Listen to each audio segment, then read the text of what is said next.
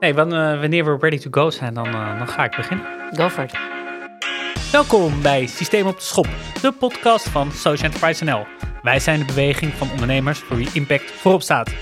Mijn naam is Stefan Panhuizen, directeur van Social Enterprise NL en host van deze podcast. We zijn vandaag weer op het mooie kantoor van Rubio Impact Ventures. En de gast is Ferhat Topus, oprichter van Value. Welkom. Dankjewel. En naast mij zit ook natuurlijk weer stralend als altijd Willemijn. Welkom. Good to be here. Kijk, sfeer zit er gelijk goed in. Hey, en um, ja, we beginnen natuurlijk ook met, uh, ja, met het vaste rubriekje inspiratie. Dus wat is een, een persoon, een film, een boek door wie je de laatste tijd hebt, uh, hebt laten inspireren? We, we beginnen bij jou, Ferhat. Uh, ik ga beginnen met een, met een persoon. dat is Kartik Warma. En hij is mentor bij Techstars. Dat is ja. een accelerator-programma waar we aan hebben deelgenomen in 2021. En hij is nog steeds de persoon met wie ik heel veel contact heb en uh, inspireert me altijd met de goede adviezen en uh, ook hoe hij in het leven staat. Um, dus denk zeker een naam om te mentionen hier. En wat is dan zijn eigen achtergrond? Is het een, heeft hij eigen onderneming ja, gehad? Uh... Ja, hij heeft een aantal grote ondernemingen gehad. Hij is van Indiaans afkomst. Um, heeft een heel groot bedrijf daar gebouwd in India. en ook in de UK. En uiteindelijk ook verkocht. Uh, dus heel veel ondernemerservaring. En dus vandaar dat ik heel veel van hem kan leren en wil leren. Helder. Nou, leuk. Shout-out. Hey, uh, Willemijn. Ja, ik heb ook een persoon. Kijk. En, en uh, dat is een Palestijnse dame. En ze heet Nisreen Al-Dasoki, als ik het goed uitspreek. En um, ik heb de afgelopen periode mijn LinkedIn-profiel met haar gedeeld. Dat was een, een initiatief van Forward Inc. Ja, Forward Inc. helpt nieuwe Nederlanders die ondernemen aan netwerk en, en groei. En zij heeft een geweldige sociale onderneming om uh, eigenlijk single-use plastic te, uit te bannen. Heeft ze eetbare bekers, messen, vorken, uh, dus allerlei, zeg maar, um, ja, cutlery, dat bestek. Ja. Uh, wat je kan opeten en waardoor je het niet meer hoeft weggooien. En nou, heel gaaf in Nederland opgericht deze onderneming. Dus misschien is het wel een leuke gast voor de toekomst een keer, Stefan. Nou, dat zou zomaar kunnen. het balletje is opgegooid, zoals ze dat zeggen. Hey, leuk. Um, ja, zelf ga ik ook voor een persoon. Ik was, uh, was een aantal weken geleden bij het uh, 20-jarige jubileum van, uh, van Diversion, ook een sociale onderneming en adviesbureau. En daar sprak, of daar gaf Gershwin Bonavacia een voordracht, ehm, een spoken word over, ja, kansen en over kinderen die, die opgroeien nou, in, in misschien wijken waar het niet vanzelf gaat. En, en ja, wist dat heel treffend, dat perspectief van een, van een kind over te brengen. Uh, nou, ja, misschien met, met, met zelf als een kind in uh, schoolgaande leeftijd die het uh, nou ja, uh, allemaal natuurlijk best wel goed heeft, kwam dat wel binnen. En hij heeft ook een theatershow die momenteel speelt. Ik ga daar ook naartoe in, in januari. Dus Gershwin Bonavacia, je hebt mij geïnspireerd. Leuke tips. Ja. hey, we gaan beginnen. Um, We, willen, we gaan het allemaal hebben over value en uh, ja, en, jou, uh, jou en jullie rol als ondernemer. Maar we willen ook jou een beetje leren, leren kennen. En dan, ja, dan duik ik altijd iemands cv en LinkedIn. En, um, en nu kwam ik wel iets moois tegen. ja, je hebt in een T-Mobile winkel gewerkt. En je bent nu natuurlijk ook heel erg bezig met mobiele telefonie. Dus ja, hoe, hoe was dat? Was dat gewoon een bijbaan? En is, is, is toen het het idee al ontstaan? Ja, ik heb een totaal niet relevante achtergrond eigenlijk met wat ik nu doe. Dat is architectuur. Ja. Dus ik heb in Eindhoven heb ik uh, architectuur gestudeerd. Uh, ik heb een master daar afgerond. Uh, maar op dat moment had ik inderdaad een bijbaan bij T-Mobile. En dat is ook waar ik mijn partner Arvin heb leren kennen. Dus wij kennen elkaar al iets meer dan tien jaar, denk ik nu.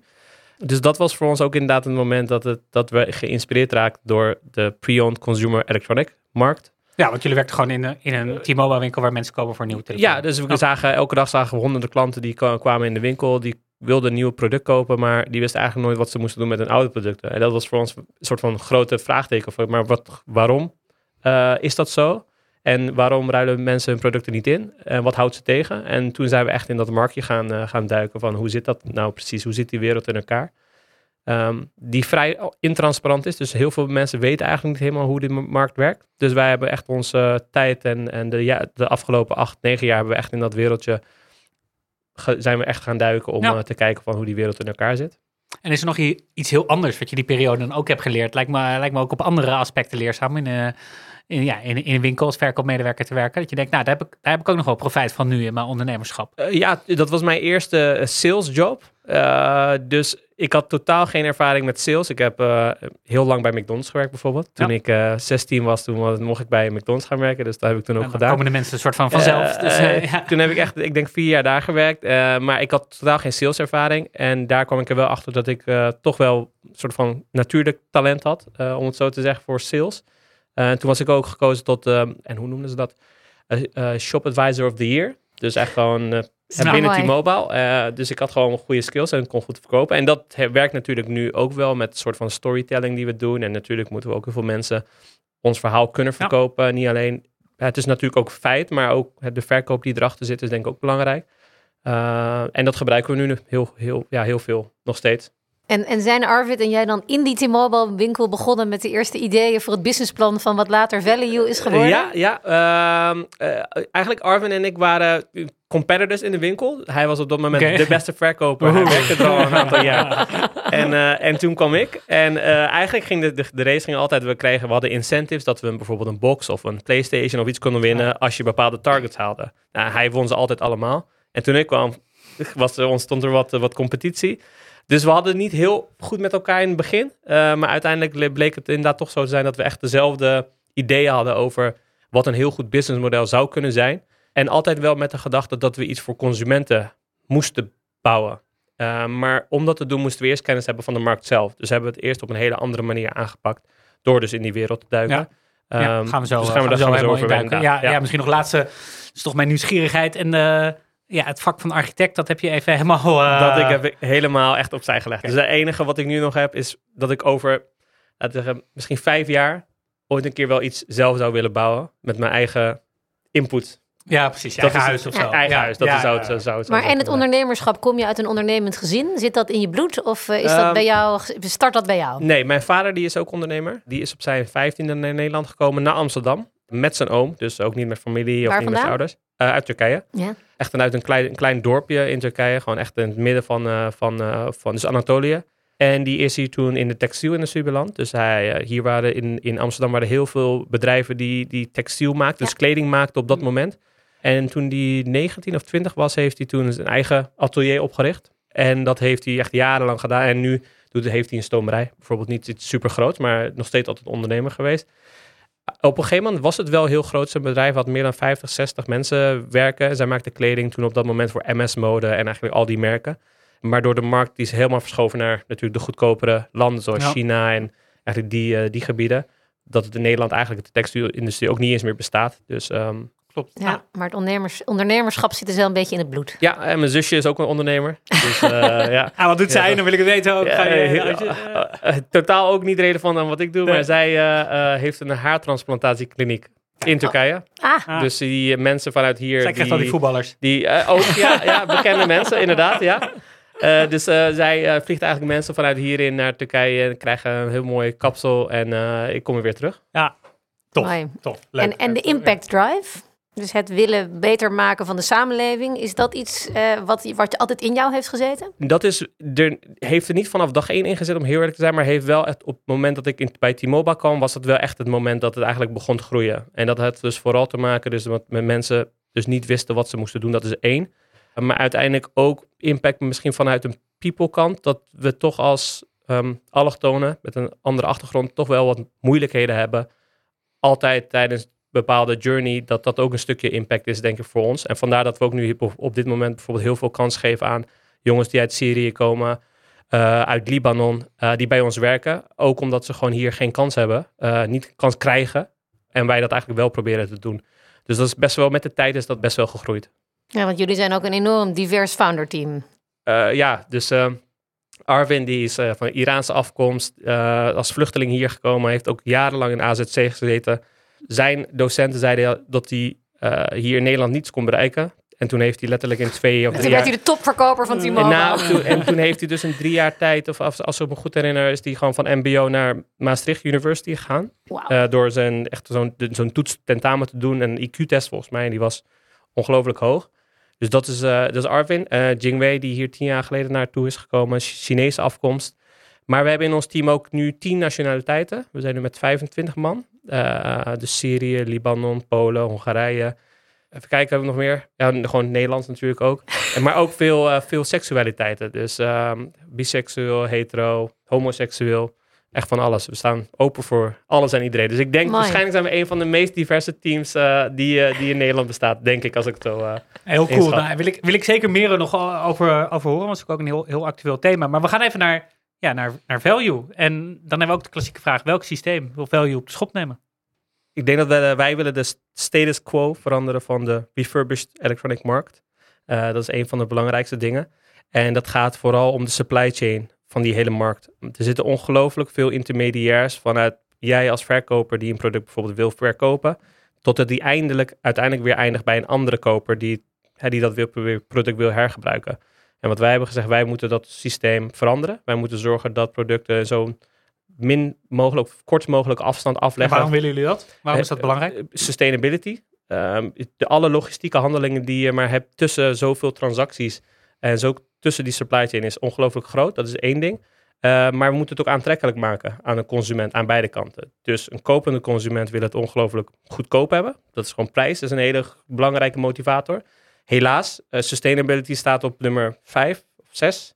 Eh, dus prij- prijs is nog steeds een hele belangrijke motivator voor mensen om tweedehands producten aan te schaffen. En ja, dat kunnen we eigenlijk alleen maar doen dus door die supply chain zo kort mogelijk te houden. Ehm, en dat is eigenlijk waarom we natuurlijk met value uiteindelijk zijn begonnen. Dus hoe Ja, kunnen we meer eh, mensen... hoe werkt het? Ehm, Want wij weten Ja. dat niet. Hè? Ik bedoel, je hebt het over de tussenpersoon. Ik denk, ja, we kennen Marktplaats of we kennen Vinted. eh, Ja.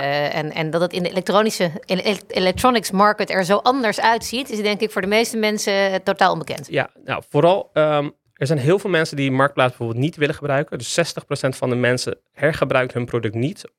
Eigenlijk alleen maar door de huidige services die, ze, die er bestaan. Dus de slechte services eigenlijk voor hun. Ja, Eh, marktplaats natuurlijk gewoon... eh, ja, dus, KUT-site. Ja, nou, ze, Eh, ze zorgen ook voor dat producten worden gerecirculeerd. Ja, dus ik denk dat we gewoon een hele andere is- doelgroep ja. aan... eh, eh, ehm, ehm, Maar er zit ook heel is veel een rommel tussen. ja. Er zit heel veel rommel tussen. En vooral met consumentenelektronica, toch best wel waar een prijskaartje aan vast zit, wil je gewoon bepaalde garanties hebben. Ehm, nou, dus voor een verkoper maken we het ongelooflijk makkelijk. In drie stappen heb je eigenlijk je product verkocht. Dus je hoeft geen foto's meer te maken, je hoeft geen beschrijving te schrijven, je hoeft eh, niet meer met iemand te chatten en over te onderhandelen. Nou, als verkoper Maar wat doe je dan? Eh, bij value, je gaat naar value, je, kan hem, je typt een product in dat je wilt verkopen uit de catalogus. Eh, je beantwoordt een aantal vragen en op basis van die vragen krijg je gelijk een, twee verkoopplannen te zien. En op basis van het verkoopplan waar je voor kiest, kan je eigenlijk, heb je je product verkocht. Het enige wat jij als consument nog moet doen is het product naar ons opsturen. That's it. En dan eigenlijk hoef je alleen maar achterover te leunen en wachten op je, op je geld, op de waarde van het product. Dus zo simpel is het. En we willen het natuurlijk nog simpeler maken. Uh, maar hoe makkelijker voor mensen, consumenten maken, hoe meer producten uiteindelijk in recirculatie zullen komen. Dat is hoe wij daarin staan. Dus Ja. hoe kunnen we het zo makkelijk mogelijk maken voor een consument? En voor een kopende klant, ja, die wil natuurlijk een bepaalde garantie. Hè. Uh, heeft me, werkt mijn product goed? Zitten er geen onderliggende problemen die ik niet als consument zijn die direct kan ontdekken? Uh, krijg je nog wel een beetje garantie? Want als je bij een marktplaats zou kopen en hij is binnen tien dagen stuk, ja, bij wie ga je dan, uh, bij wie kom, kom je dan terecht? En wij hebben dat stukje dus ook opgepakt. Dus wij als intermediair, dus als je naar value gaat en je koopt een product, geven wij garantie. We geven volledige transparantie over het product. Dus wat is het batterijpercentage? Hoe ziet je scherm eruit? En eigenlijk alles maar wat, we, wat we maar kunnen doen om jou meer transparantie te geven over een specifiek product. Zodat ook meer mensen dat product gaan kopen uiteindelijk. Dus eh, die circulaire economie echt in gang zetten door meer verkopende klanten, maar ook kopende klanten eigenlijk uh, aan te trekken.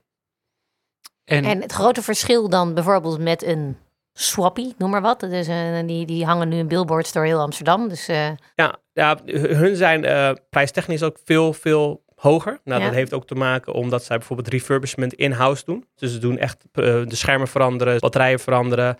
Heel veel dingen die best wel zwaar zijn. En wij hebben gezegd van, ja, als het echt om het prijspunt gaat, hoe kunnen we dan zorgen dat juist mensen hè, niet bij Swappie gaan kopen eigenlijk, maar bij Value gaan kopen. Dus een van de grootste verschillen is omdat we dus ook niet een consumer-to-consumer transactie hebben. En Swappie koopt meestal hun producten toch nog steeds bij grote refurbishers op. Um, hebben wij gezegd, nou, door dat te doen kunnen wij qua prijspunt kunnen we veel lager zitten dan bijvoorbeeld een Swappie. Dat is één ding. Uh, maar ook die transparantie. Dus wij hebben um, in vergelijking met refurbished providers kan je bij ons dus een, heb je een productpaspoort. Dus je kan per product exact zien wat je eigenlijk koopt. En dat resulteert ook, omdat mensen weten wat ze kopen, dat we bijna minder dan 3% retour hebben. Terwijl de gemiddelde in de markt ligt ongeveer rond de 15%, dus 1,5. Ja, dat is best Ja. hoog. En jullie, jullie zeggen volgens mij ook, eh, heb ik ergens gelezen, dat refurbishment is vaak eigenlijk helemaal niet nodig en leidt, leidt dus tot onnodige eh, hogere prijs. Ja, de 80% van de producten. Dus wij hebben in de laatste jaren hebben wij meer dan eh, tienduizenden producten gerecirculeerd. Nou, dat was dan niet met value, maar dat was met onze ervaring hiervoor. En 80% van de producten heeft geen refurbishment nodig. Dus stel je voor, jij gebruikt je Fairphone, denk ik in dit geval. Uiteraard, ja. Ja. ik hou even trots omhoog. goed zo, Stefan. Misschien is Ja, Fairphone, Fairphone. misschien het, niet het juiste voorbeeld, maar laten we het over het iPhones. Je gebruikt een iPhone twee jaar, of je MacBook, maakt eigenlijk niet echt welk product. Dat betekent dat hij nog steeds goed functioneert. Dat betekent dat de batterij waarschijnlijk boven de 80, 85 procent zit. Eh, dat betekent eigenlijk dat er geen defecten zijn bij het product. Dus die heeft geen refurbishment nodig. Maar mensen verstaan vooral onder refurbishment dat de onderdelen worden veranderd, Ja. dat het scherm wordt veranderd, dat de batterij wordt veranderd. Maar dat is niet zo. Dus wij hebben gezegd, als 80% niet refurbished moet worden, waarom worden ze dan wel als refurbished verkocht uiteindelijk? Ja. Dus ook weer met value. Wij noemen het dan ook niet refurbished, wij zeggen certified pre-owned. We checken het product. Heeft het product echt refurbishment nodig? Dan gaat het naar een refurbisher. Heeft het geen refurbishment nodig? Dan gaat het op ons platform. Helder. En dus niet alleen telefoons, hoor ik nu. Ik hoorde een MacBook voorbij komen. Nee, wij eh, hebben op dit moment eh, vijf productcategorieën. Smartphones, laptops, tablets, wearables en gameconsoles. En waar we echt wel, wat de ambitie is, wij kunnen nu op dit moment al meer dan 10.000 unieke SKU's prijzen. Dus een prijs geven aan 10.000 unieke producten om onze catalogus steeds groter te maken. Dus dat we echt het recirculatieplatform worden van voor pre-owned consumer electronics. Dus dat je echt, wanneer je denkt om een product te verkopen, dat kan dus je, je MacBook zijn, je eh, Google Chromecast, ik zeg maar eventjes wat, dat je dat er altijd terecht kan bij value. Ja. Maar dan moeten we heel gewoon goed zijn in het product zelf. Dus we zijn echt heel strategisch de catalogus aan het uitbreiden. Hoe, kunnen, hoe goed kunnen we de propositie aan onze consumenten, aan de klanten geven? Dat is één. Maar hoe goed zijn we ook in het checken van die producten uiteindelijk? Dat is natuurlijk ook belangrijk. We moeten, want ze moeten ze een stukje garantie geven.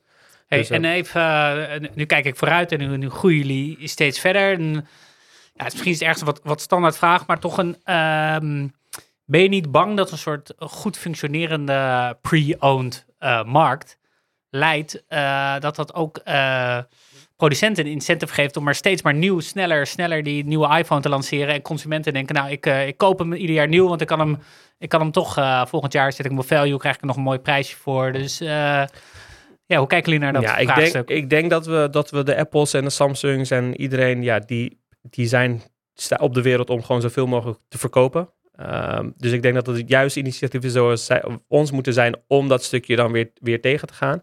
Ehm, dat is één ding, maar ook de markt is op dit moment, je ziet dat de, de trend van het verkoop van nieuwe producten, dat die eigenlijk alleen maar dalend is ten opzichte van de tweedehandsmarkt.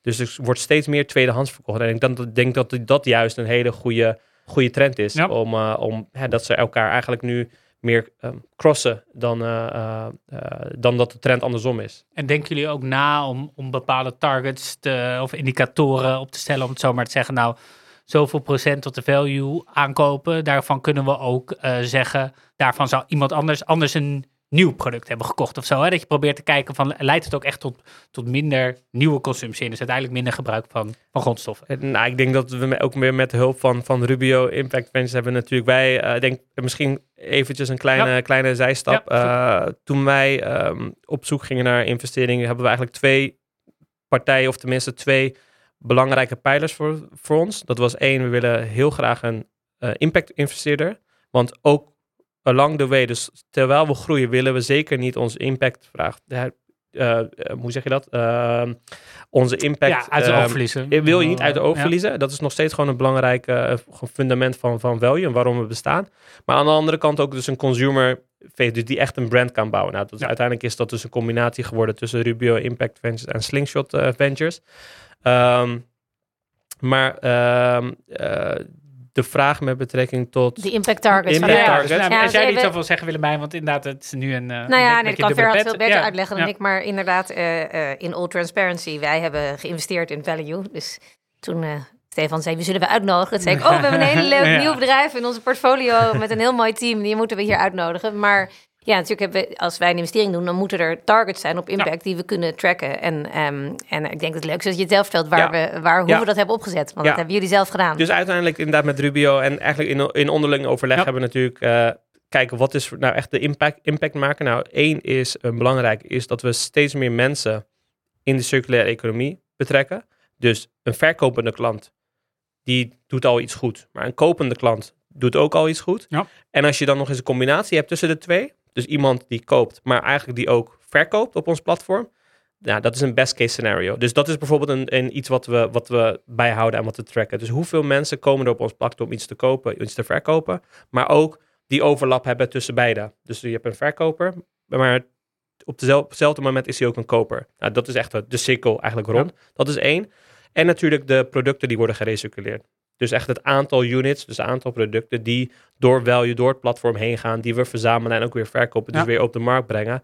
Ehm, want dat heeft natuurlijk ook effect op het CO2-uitstoot. Ja. Dus het CO2-equivalent van de producten die eigenlijk op unitbasis, dus als we er 40.000 op een jaar hebben gedaan, nou, wat is exact de CO2-equivalent van die 40.000 units die we hebben? Als je ze eh, nieuw zou vergeleken met als je ze nieuw zou Vergeleken met kopen. een nieuw. Ja. Ja. dat is dus wel. Dus het is altijd vergeleken met nieuw, inderdaad. Ja, nee, snap ik. Oké, hey, en ehm, uiteindelijk denk ik dat er toch nog best wel wat, eh, nou, met name mobiele telefoons, denk ik dan even na, dat, dat iemand hem echt nou, misschien meer op heeft gebruikt of bijna op heeft gebruikt. Ja, dan belandt hij toch in de, in de la. Ik heb er zelf, eh, zelf nog eentje in de la liggen. En, en volgens mij kan er een enorme ja, winst behaald worden als die uit de la en bij de, de recycler, refurbisher, pre-owned, eh, wat dan ook, belanden.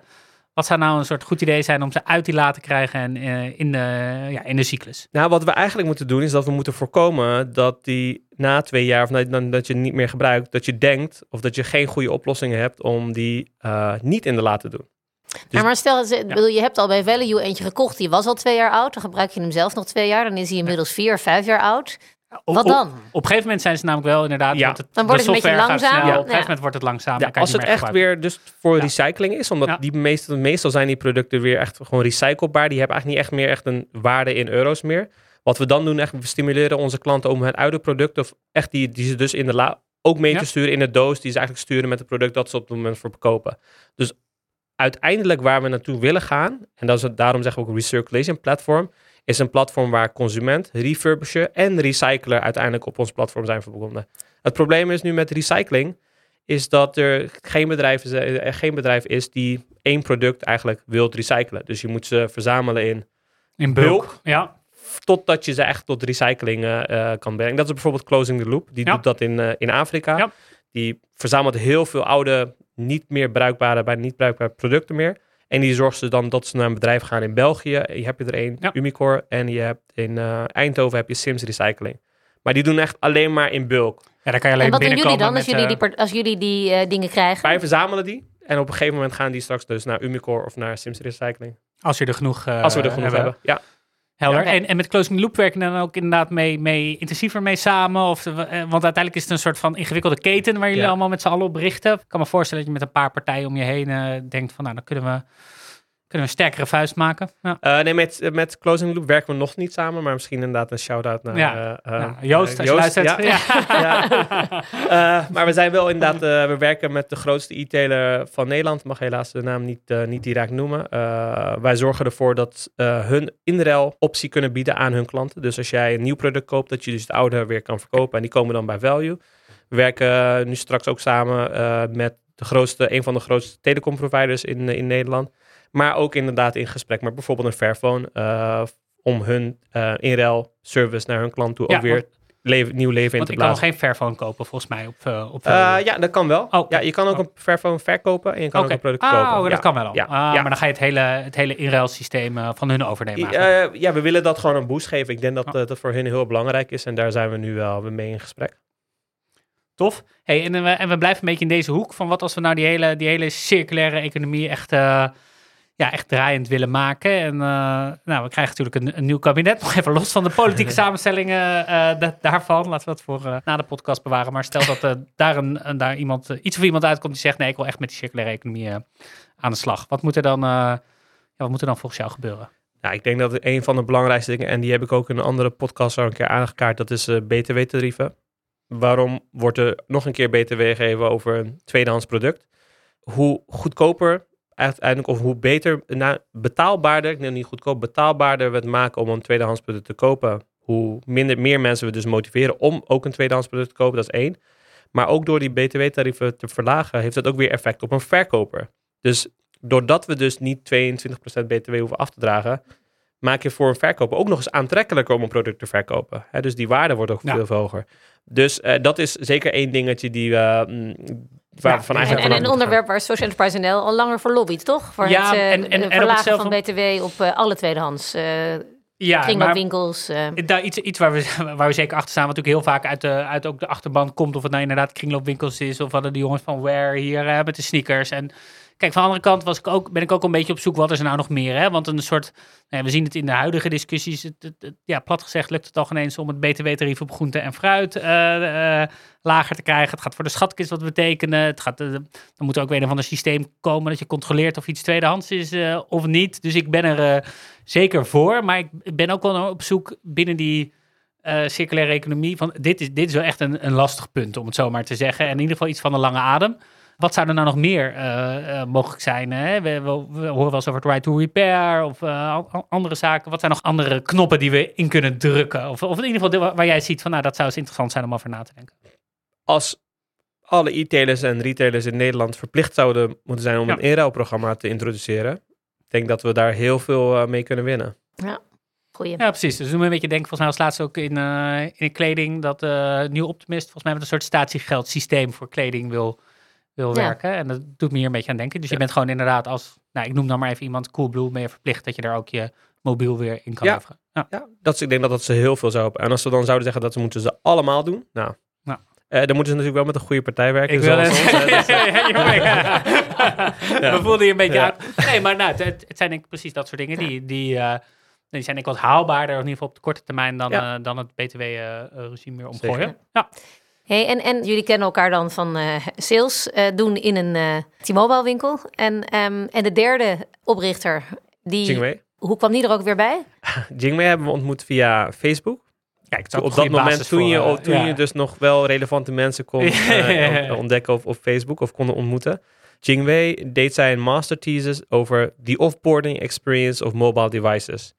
Dus hoe ervaart een consument op het moment niet dat hij dus een product, nieuw product koopt, maar op het moment dat hij een oud product wil verkopen? Wat is die ervaring? Ja. Nou, die was dus heel slecht. Dat, is, hè, uiteindelijk, daar- dat was even de Dat summary zijn- eh, van de Thesis, was dat. Dat was eh, slecht. Conclusion, very bad. Ja, ja, very bad. En hij postte een bericht in de TU Eindhoven Alumni Group van eh, I'm doing this eh, thesis. Eh, is er iemand die vanuit de industrie dus die markt heel goed kent, die mij met de thesis zou kunnen helpen? En toen dacht ik, zei ik tegen Arvin, ik denk dat we onze persoon hebben gevonden. Want Arvin en ik hadden niet echt heel veel kennis van product bouwen voor consumenten. Wij wisten wel, de markt kenden we heel goed, maar hoe we een product moesten bouwen, we had no clue. Mhm. Dus eh, dacht ik, ik ga gelijk berichtjes sturen. En na volgens mij drie, vier keer met elkaar gezeten te hebben, eh, zeiden van ja, wij moeten dit gewoon samen gaan doen. En zo is het eigenlijk. Dus Facebook is een soort van de aggregator geweest. eh, ik denk dat veel mensen soms ook wel... Het is altijd lastig, laat ik zo zeggen, de tijd te vinden voor verzoeken van studenten. Maar daar kan dus ook zomaar een co-founder uit, ja, uitrollen. ja, zeker. En wat is dan de grootste barrière waar jullie sinds de start hiervan tegenaan zijn gelopen? Wat is je grootste ondernemersles tot op heden?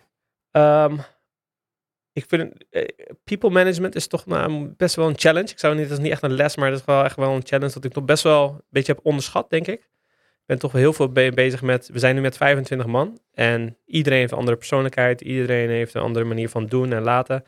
En eh, dat vind ik nog best wel een challenge, eh, moet ik zeggen. Dus het is niet echt een les, maar gewoon meer iets waar we gewoon goed aan moeten werken en onze weg in moeten vinden, denk ik. Ehm, eh, dat is één ding. En eh, natuurlijk, ik denk dat, dat elke ondernemer dat heeft. Natuurlijk eh, de toegang tot kapitaal. En de Nederlandse markt is ook best wel klein als het gaat om bijvoorbeeld venture capital in dit, in dit geval. Eh, en dat is ook een challenge, maar wij nemen challenges altijd heel graag aan. Dus eh, anders zou ik deze... Ja, misschien, deze- misschien dit eh, daarover, hè? want uiteindelijk hebben jullie, eh, denk ik, met, eh, eh, met Slingshot en, en Rubio twee eh toonaangevende investeerders aan boord gehaald. Wat hebben jullie, wat, heb je daarvan geleerd, van dat proces? Eh, het was een, eh, een lang proces. We zijn wel een klein beetje getraind door Techstars, moet ik heel eerlijk zeggen. In de zin van, we, toen, ik, eh, toen wij in Techstars deelnamen in 2021, dat was eh Techstars Future and Finance en Sustainability programma met ABN AMRO. Toen wisten wij letterlijk helemaal niks van, van En Venture misschien nog even voor de luisteraar wat Techstars is. Want, eh, Ja. ehm, weet jij het, Stefan? Ja, ik ben altijd heel goed in nu gewoon eh, bluffen. Nou ja, een, een, eh, een, een acceleratieprogramma waar je ook wordt, eh, wordt klaargestoomd voor het ophalen van investeringen. Dus Ook, ja, ja, ja, readiness-achtig programma. Dat je in een soort Ja, je hebt, op de, je hebt de Y Combinator, is een hele Ja, bekende. ja, daar komen Ja. de alle Ubers bijvoorbeeld uit. En je hebt Techstars, dat is nummer twee. Dus een versnellingsprogramma. Wat ze dan doen in dat programma is dat ze je één klaarstomen om echt een bedrijf te worden wat op schaal. Dus het is niet gemaakt voor, als je hele lage ambities hebt, ja, dan heb je daar ook niet veel te zoeken. En daar, daarna, daarom zijn ze ook heel erg selectief natuurlijk voor de bedrijven die ze aannemen. Dus altijd zijn het eh, tien bedrijven die in dat eh, programma zitten. Nou, wij waren één, dus één van, eh, één van de tien. Maar we wisten dus ni- niks van venture capital, we wisten niks van. We hadden best wel een kleine visie op dat moment nog. Dus één, ze hebben, oh, doe je ogen openen. Van er staat een hele wereld voor je klaar, dus je kan heel veel bereiken. Dat is één ding. Dat is ook waar ik dus Kartik Warm heb ontmoet.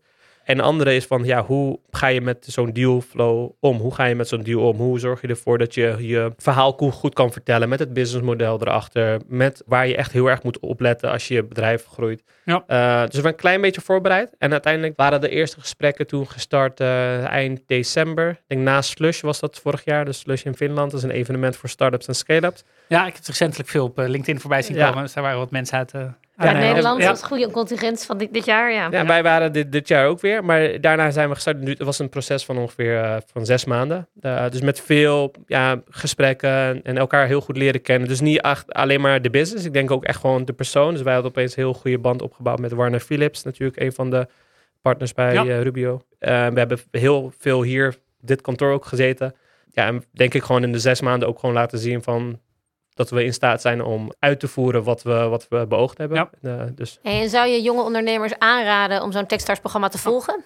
ja, voor ons was het echt een, echt een levensverandering van... Mm. Het was echt een moment dat mijn leven heeft veranderd. Echt in, in, in heel veel opzichten.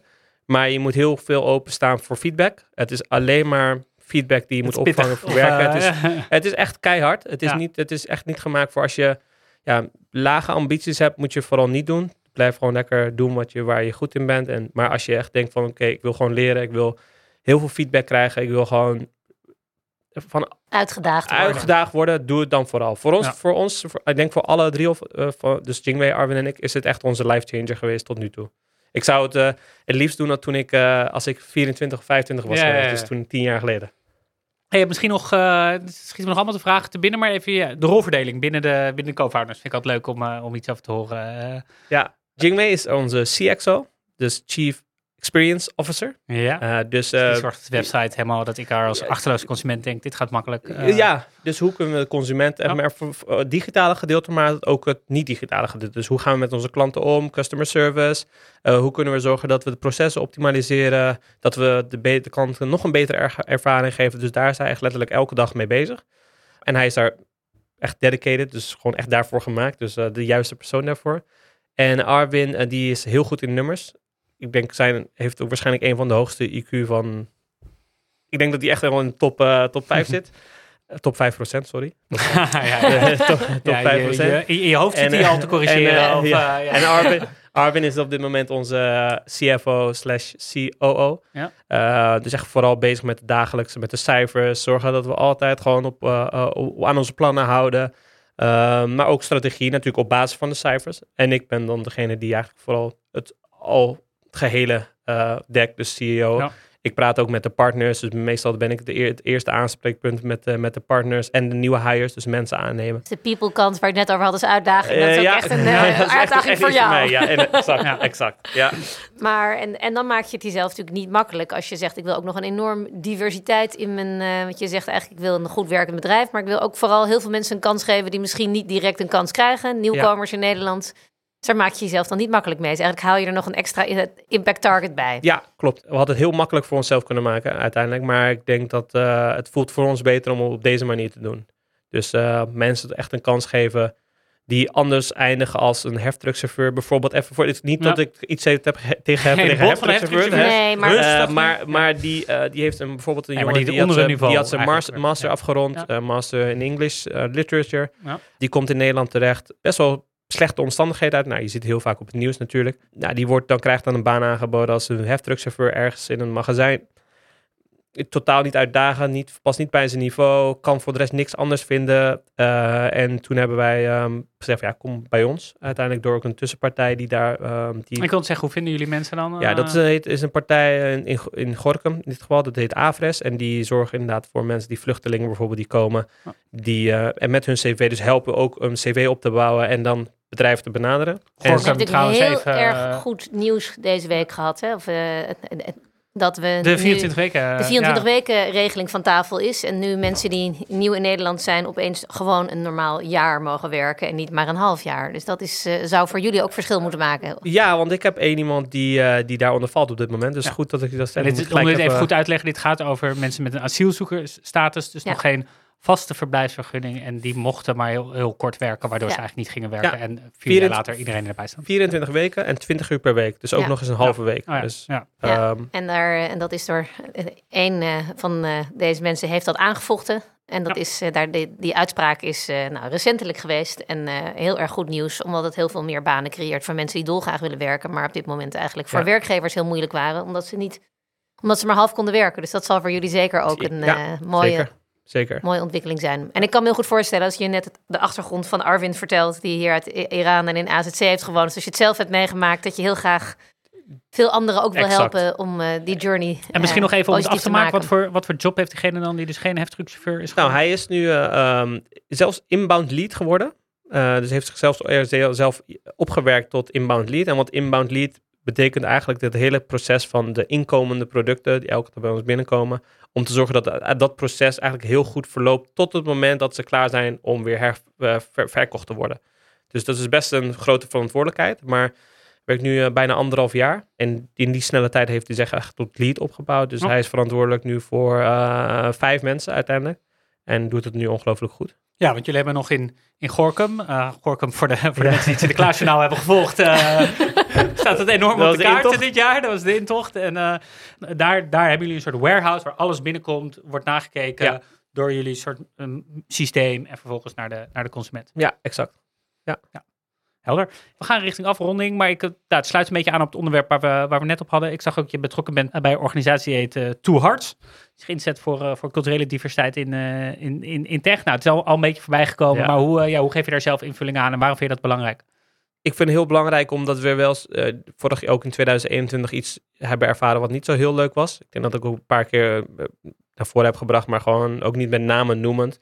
Maar wat een hele slechte ervaring met een VC, een persoon van een VC die, uh, die uh, ja, een soort van Zoom uh, bloop had gemaakt en de Zoom call open stond. Ah. En dat we daarna hoorden wat, wat er allemaal over ons gezegd werd. In letterlijke woorden was dat, ik was de Turk op de hoek. Ja, jezus. ik wist het niet. En, en, en, dat, is, ja. dat is, toen hebben we letterlijk in twee, drie maanden een soort van in shock geleefd. Omdat het voor ons, voor heel veel mensen kan het heel normaal zijn. Maar voor ons was het echt iets van, we zitten in deze wereld, in Nederland. En gebeurt, gebeuren dingen, zulke dingen nog steeds.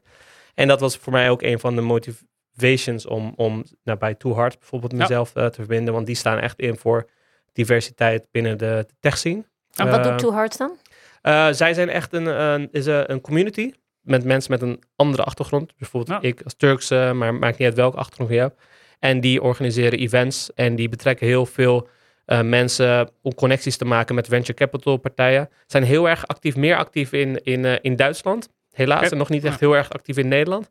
Maar gewoon een community vanuit heel, vanuit heel Europa die daar nu uh, betrokken goed, mee is. Ja. Nou, ken ik niet. Ja.